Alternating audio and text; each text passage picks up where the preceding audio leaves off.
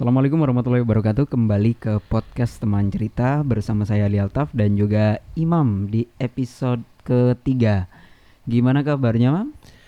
Alhamdulillah luar biasa. Masuk di episode ketiga Sudah mulai panas ini Eh sudah kayaknya udah mulai deh Pak Yui. Udah mulai kebakar kayaknya ini. Oke Yang ingin aku tanyakan Kemarin kan cerita soal jobless Terus cerita soal wirausaha Oke. Ada sebelum kita masuk ke materi nih Kalau seandainya diberi kesempatan untuk meminta maaf Kepada siapa imam ingin ucapkan itu Ya mungkin semua aku di sini kan sebagai anak gitu kan. Alhamdulillah Hmm. orang tua aku masih lengkap dan pastinya sama kedua orang tua sih dan terutama sama ibu ya. Kalau aku sih itu. Kenapa mam? Aduh. Di podcast ini kalau kamu mau nangis silahkan Aku nggak melarang Pertanyaan. Kalau kamu mau ketawa juga nggak apa-apa gitu kan Sesuai apa yang kamu rasakan Oke, dari helaan nama sudah kelihatan ya.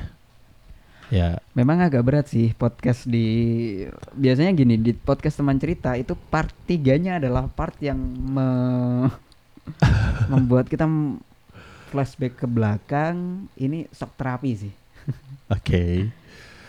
Dan nggak apa-apa Hmm, jadi ini mau dari mana dulu nih? Kalau kamu diberi kesempatan untuk meminta maaf kepada kedua orang tua pastinya tadi udah Oke. disebutkan, Haha, terus kepada ibu Oke, bisa disepil mungkin kenapa? oke. Jadi gini, aku dilahirkan dari seorang ibu dari anak nomor tiga dari tiga bersaudara. Hmm. Dan kenapa aku harus minta maaf sama ibu karena yang paling kerasa adalah aku di momen dalam setahun ke belakang ini. Hmm. Mungkin eh, yang paling tahan untuk ngelihat anaknya yang beda dengan anak orang lain gitu kan. Mungkin cuma ibu aku gitu loh. Yang di mana mungkin orang mandang aku yang bangun tidur cuma bisa bang habis bangun mandi makan mungkin tidur lagi atau scroll sosmed dan lain sebagainya mungkin orang akan ngelihat kayak wah hidupmu kayaknya menggantungkan atau menjadi beban keluarga ya gitu kan tapi Hmm. yang aku lihat dari ibuku itu enggak gitu loh dan ada di momen yang ketika aku pada waktu itu di masuk ke bulan ke-6 atau eh, kelima ke-6 bulan setelah aku resign dan aku nggak kerja lagi aku kebanyakan dapat pertanyaan kamu udah ngelamar ke mana aja dan itu adalah pertanyaan terberat yang yang kalau bisa aku nggak mau denger pertanyaan itu gitu loh. Hmm. karena kenapa? Seolah-olah aku kayak eh kayaknya kamu ini kayak seorang anak cowok dan kayaknya nggak berguna deh gitu loh. Hmm. tapi seorang ibu berpikirnya beda gitu loh. Dia berpikir adalah ya mungkin di masa-masa dia tujuh tahun kemarin yang udah berkarir mungkin dia diberikan waktu untuk istirahat untuk sampai saat ini. Dan yang paling aku sedihkan adalah seorang ibu masih berpikiran anaknya yang di usia 30 masih berpikiran kayak eh, dimanjain kayak atau di dikasih perhatian lebih kayak waktu aku masih kecil dulu gitu loh. Dan itu aku yang rasain gitu loh. dan ada momen ketika waktu aku resign itu juga mungkin itu sampai kedengar di telinga ibu ketika ada pertanyaan dari tetangga lah kamu udah nggak kerja lagi? Enggak terus kamu kesibukannya apa? Aku jualan aku bilang gitu. dan itu eh dia jawabnya adalah ya ya elah sekolah tinggi-tinggi sampai S1 dibelain utang sana sini buat biayain kuliah sama ngandelin gaji setiap bulan ternyata ujung-ujungnya jualan gitu kan. Dan pada waktu itu aku yang sistemnya orangnya frontal dan eh, mudah tersulut emosi. Ketika ada udah jawaban yang nggak meng- pertanyaan atau s- pendapat orang yang nggak mengenakan itu ibu hanya ber- eh, bilang udah nggak usah didengerin gitu loh. Orang tua itu berharap ke anaknya itu jangan sampai anaknya itu lebih parah dari orang tuanya kenapa orang tua terutama ibu nyuruh kamu eh, untuk sampai S1 karena ibu tahu kamu mampu Hmm. peluang dan eh pasti pendidikan itu penting gitu loh dan Mhm. kita nggak akan tahu seorang kamu besok itu akan jadi apa gitu loh mungkin untuk saat ini kamu diberikan waktu istirahat. Untuk nggak kerja dulu deh menikmati waktu istirahatnya. Dan Hmm. dan aku terenyuhnya di situ gitu loh. Dan yang paling ini lagi eh di waduh. Di momen yang paling aku sedihkan adalah ketika aku melihat dan kebiasaan ibu yang selalu kesehariannya yang diri disibukkan dengan kayak mempersiapkan makanan dan lain sebagainya dan itu masih sama gitu loh. Masih sama kayak waktu aku kerja dulu disiapkan sarapan persiapan makan siang dan lain sebagainya. Dan di momen itu pada waktu itu pasti hari ibu kalau nggak salah aku bilang sama ibu bu maaf ya. Di usiaku sekarang bukannya aku malah bisa meringankan beban orang tua kayaknya aku masih masih jadi beban gitu loh. Bukan meringankan lagi. Ibu cuman bilang tugasnya orang tua selagi ibu masih hidup masih sehat kamu itu anak gitu loh apalagi kamu masih belum menikah dengan candaan yang kayak gitu dan Hmm. beliau masih biasa-biasa aja gitu loh Hmm. dan waduh padahal ibu itu udah di usia 65 dengan keterbatasan jalan Hmm, hmm. karena ada salah sa- eh, apa ada gangguan di salah satu kakinya Hmm. Dan momen yang paling menyedihkan lagi baik lagi ke mungkin podcast yang sebelumnya aku bilang aku punya tanggung jawab tanggungan dan lain sebagainya. Dan pada waktu itu emang usaha eh, uang tabungan udah masuk usaha semua dan aku emang bener-bener gak ada pegangan pada waktu itu. Aku bilang sama ibu dan niatnya aku bercerita gitu loh. Karena aku tipikal orang yang terdekat sama ibu dan apa pun itu aku ceritakan ke ibu gitu. Hmm. kayak keseharian aku aku gimana di kantor kayak aku nemuin customer yang kayak gimana aku meeting sama siapa. Itu aku selalu ceritakan. Dan itu kegiatan itu selalu aku ceritakan biasa sepulang kantor sambil makan bareng sama ibu atau selepas mau tidur atau biasanya habis aku pulang kerja mandi apa itu aku ajak keliling gitu walaupun Hmm. hanya cuman keliling di ya di kota gitu lah sambil cerita dan sebagainya dan aku bilang gimana ya bu ya besok aku bayar angsuran ini aku bilang gitu. si ibu bilang cuman bilang ada besok bilang gitu. hanya cuma sebatas itu padahal aku udah pusingnya udah naudzubillah gitu loh Ya. ada nggak ya bisa nggak ya aku udah berpikiran yang kayak gitu cuman di ibu itu cuman ditepis dengan kata ada kok besok. Dan itu keesokan harinya emang benar ada gitu loh. Dan ketika aku tanya bu dapat dari mana duit? Ada kok.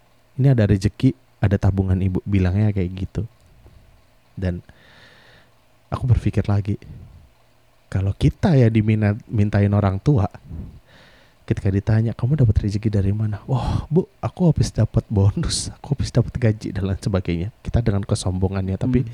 ibu dengan mendapatkan uang yang gitu dan kita nggak eh, nggak nggak cari tahu itu dapatnya dari mana gitu kan Hmm. cuman beliau bilang ada kok rezeki dan tabungan padahal itu aku setelah berapa minggu kemudian aku tahu padahal ibu, ibu pada waktu itu dapat minjem duit. Wah, itu aku udah udah udah kayak teguran keras gitu loh. Hmm, hmm. Dan sewaktu eh, dan banyak juga pertanyaan, kenapa sih kamu gak merantau aja, kamu cowok gitu kan?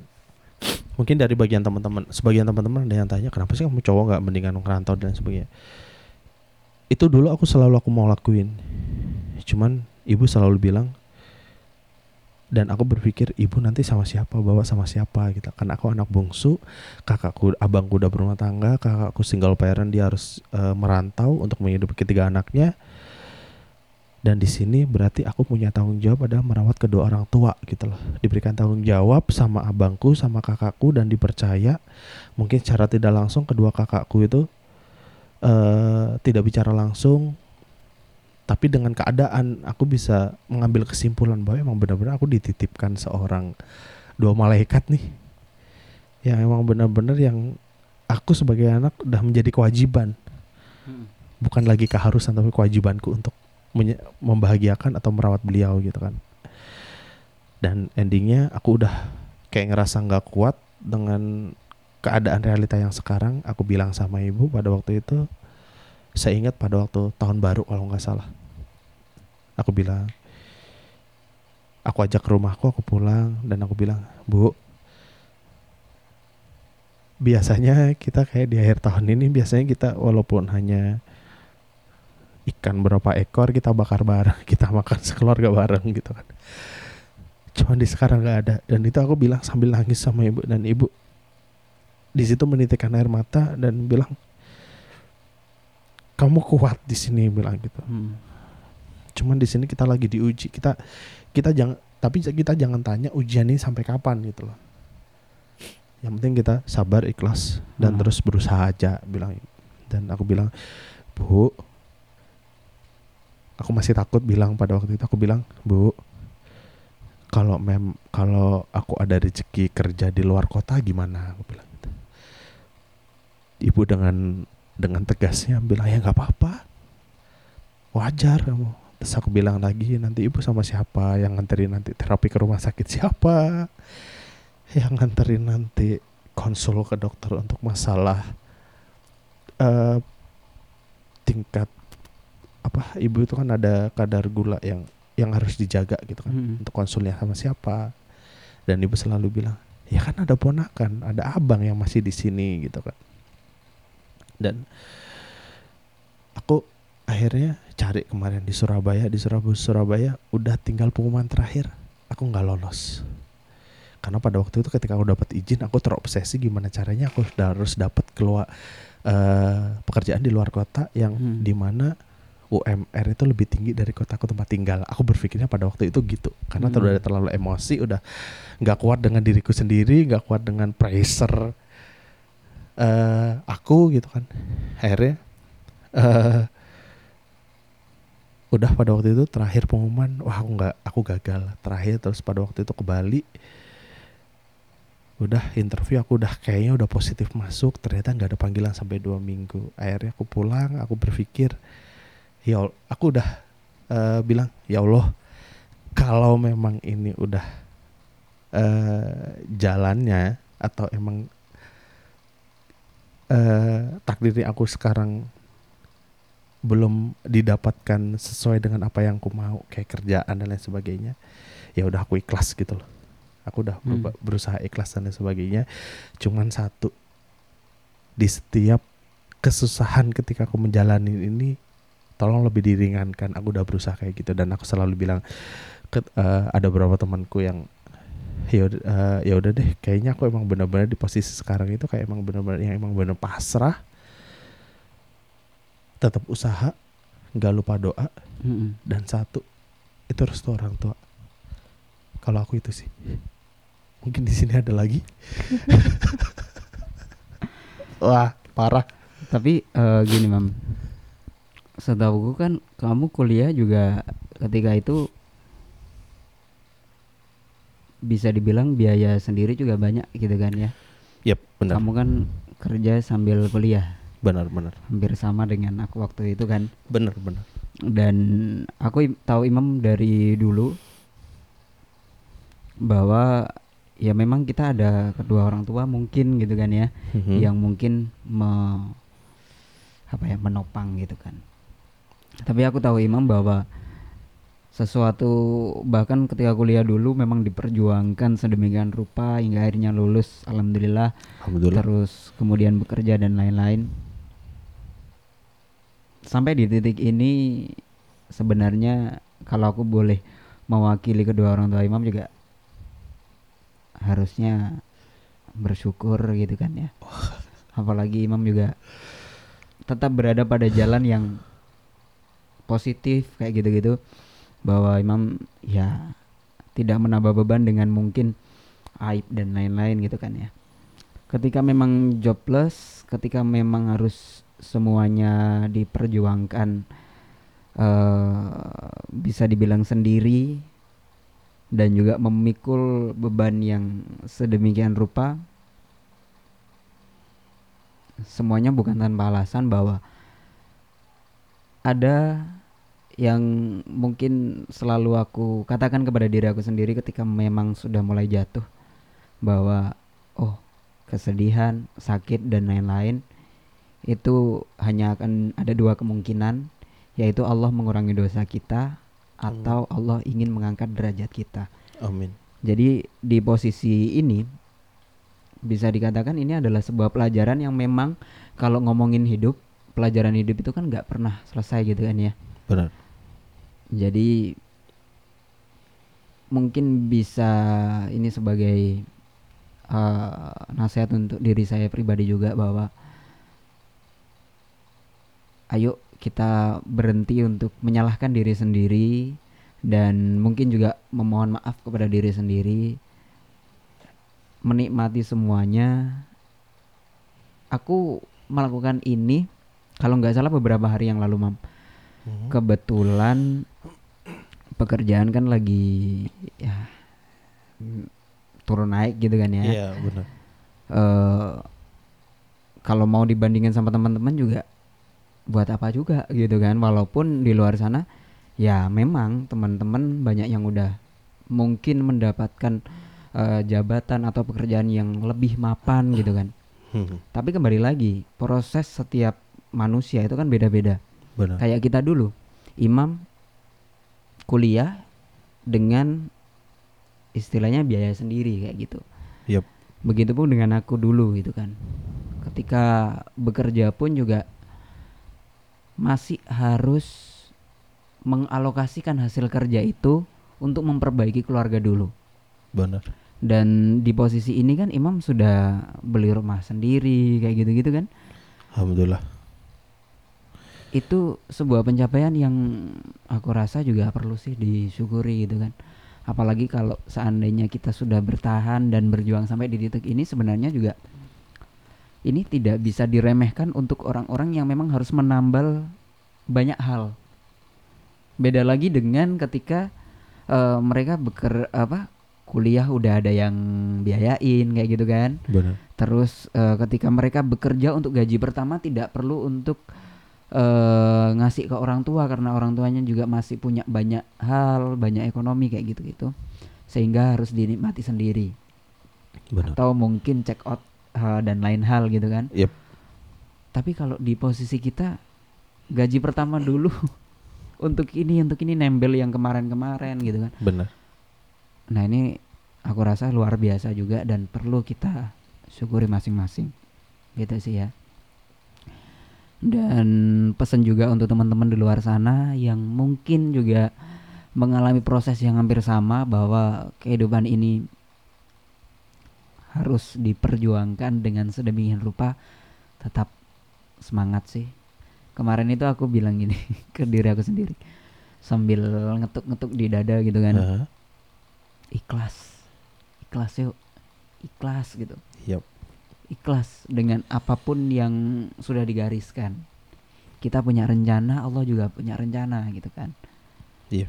dan ini semua mungkin untuk menghapuskan dosa-dosa kita atau juga untuk mengangkat derajat kita derajat ini bukan berarti eh, untuk hal-hal lain ya bisa Hmm. jadi derajat eh, ketakwaan kita atau derajat kita sebagai manusia semakin tua ya secara otomatis kebijaksanaan kita kan juga harus semakin meningkat tuh. Benar. Ya termasuk menyikapi kehidupan kayak gitu-gitu. Karena kita sedang berada di universitas kehidupan yang nggak akan ada selesainya selama kita hidup. Yap. mungkin nanti selesainya adalah ketika kita sudah di liang lahat dan sudah diadani kemudian ya amal-amal kita yang berbicara gitu kan. Benar. Gitu sih. Dan alhamdulillah emang masih ada orang tuanya dua alhamdulillah. Alhamdulillah dan ya dijaga sih. Pasti insya Allah itu aja. Mungkin ada yang ingin disampaikan lagi mam? Ini cerita tulang punggung keluarga usia 30-an Hehe. terus apa lagi? Kita cerita apa lagi di sini? Kalau masalah tulang punggung ya. Kalau Hmm. masalah tulang punggung itu aku rasa kita sebagai anak itu janganlah kita berpikir kita sebagai tulang punggung tapi itu sudah menjadi kewajiban kita seorang anak gitu loh Mm-mm. untuk orang tua layaknya tadi orang tua juga mengatakan bahwa bagaimanapun kamu kamu adalah anak gitu kan ya. benar benar jadi Mhm. istilahnya adalah orang tua itu memandang kita itu masih seorang anak bayi yang perlu Mhm. dibimbing dan lain sebagainya gitu loh Hmm. dan kadang kita baru bisa ngasih uang nggak seberapa besar nilainya cuman kita dengan sombong bisa ini bu aku kasih bu ini pak aku kasih pak dari uang gaji dari uang kerjaku gitu kan tapi orang tua itu eh, memberikan apa pun itu Hmm. itu tanpa kasih eh, tahu istilahnya historinya lah dia dapat dari mana dan Hmm. dia eh ngasihnya itu emang bener-bener yang ya udah masih kamu itu masih seorang anak yang setiap eh, main mau minta duit buat beli jajan dan lain sebagainya. Orang tua itu sampai kita umur sampai aku ya aku pribadi Hmm. sampai usia 30 masih diperlakukan hal seperti itu gitu loh. Dan bahkan sampai sekarang pun kalau aku pulang dari rumah ibu itu yang ditanya adalah gak bawa nasi kamu dari rumah? Terus aku bilang kadang aku masih minta buat uang seribu nggak? Buat nyukupin uang buat beli bensin biar jadi dua puluh ribu katakan. Kadang ibu bisa ngasih lebih nggak ada uang kecil. Hmm. adanya uang lima ribu. Padahal kita nggak tahu isi dompet ibu itu berapa. Bisa jadi uang ibu itu tinggal lima ribu itu itu gitu loh. Hmm, hmm, hmm. dan kita nggak ada pikiran sampai usia segini mungkin ya mungkin satu dua orang atau ada beberapa orang yang memikirkan ibu kira-kira ada ya nggak ya isi dompetnya? Tapi aku tipikal orang yang masih eh, berpikirannya beliau masih ibuku dan aku pe- masih pengen dimanja sama beliau selagi masih ada gitu loh. Hmm, dan kadang aku bercandanya ya udah aku ambil walaupun besok itu aku kembalikan uang itu gitu loh. Hmm. kadang gitu sih. Dan aku eh, perlu di mungkin ini juga eh, buat aku juga gitu kan. Istilahnya jangan menyombongkan berapa besarnya yang bisa kita kasihkan sama orang tua. Hmm. kalau aku itu sih. Oke. Karena wah banyak sih cerita sebenarnya ya. Di luar sana bagaimana Imam memperjuangkan banyak hal. Dan ya alhamdulillah sih dua orang ini yang punya apa ya mahkota besar seorang ayah dan ibu ladang amal imam berikutnya. Amin. Amin ya. Oke itu dulu mam. Oke. Mohon maaf untuk di podcast ini sampai ngajak menangis dan lain hal. Semoga juga selepas podcast ini semakin bersemangat lagi untuk memperjuangkan hiruk pikuknya kehidupan. siap Amin, amin. Baik, itu dulu ya. oke Terima, terima kasih atas waktunya terima kasih atas sharing-sharingnya Hmm. Terima kasih juga sudah datang di podcast teman cerita. oke Mungkin nanti bisa di-sharekan ke ibu biar dengar juga. oh boleh boleh Baik itu dulu kurang lebihnya mohon maaf. Assalamualaikum warahmatullahi wabarakatuh. waalaikumsalam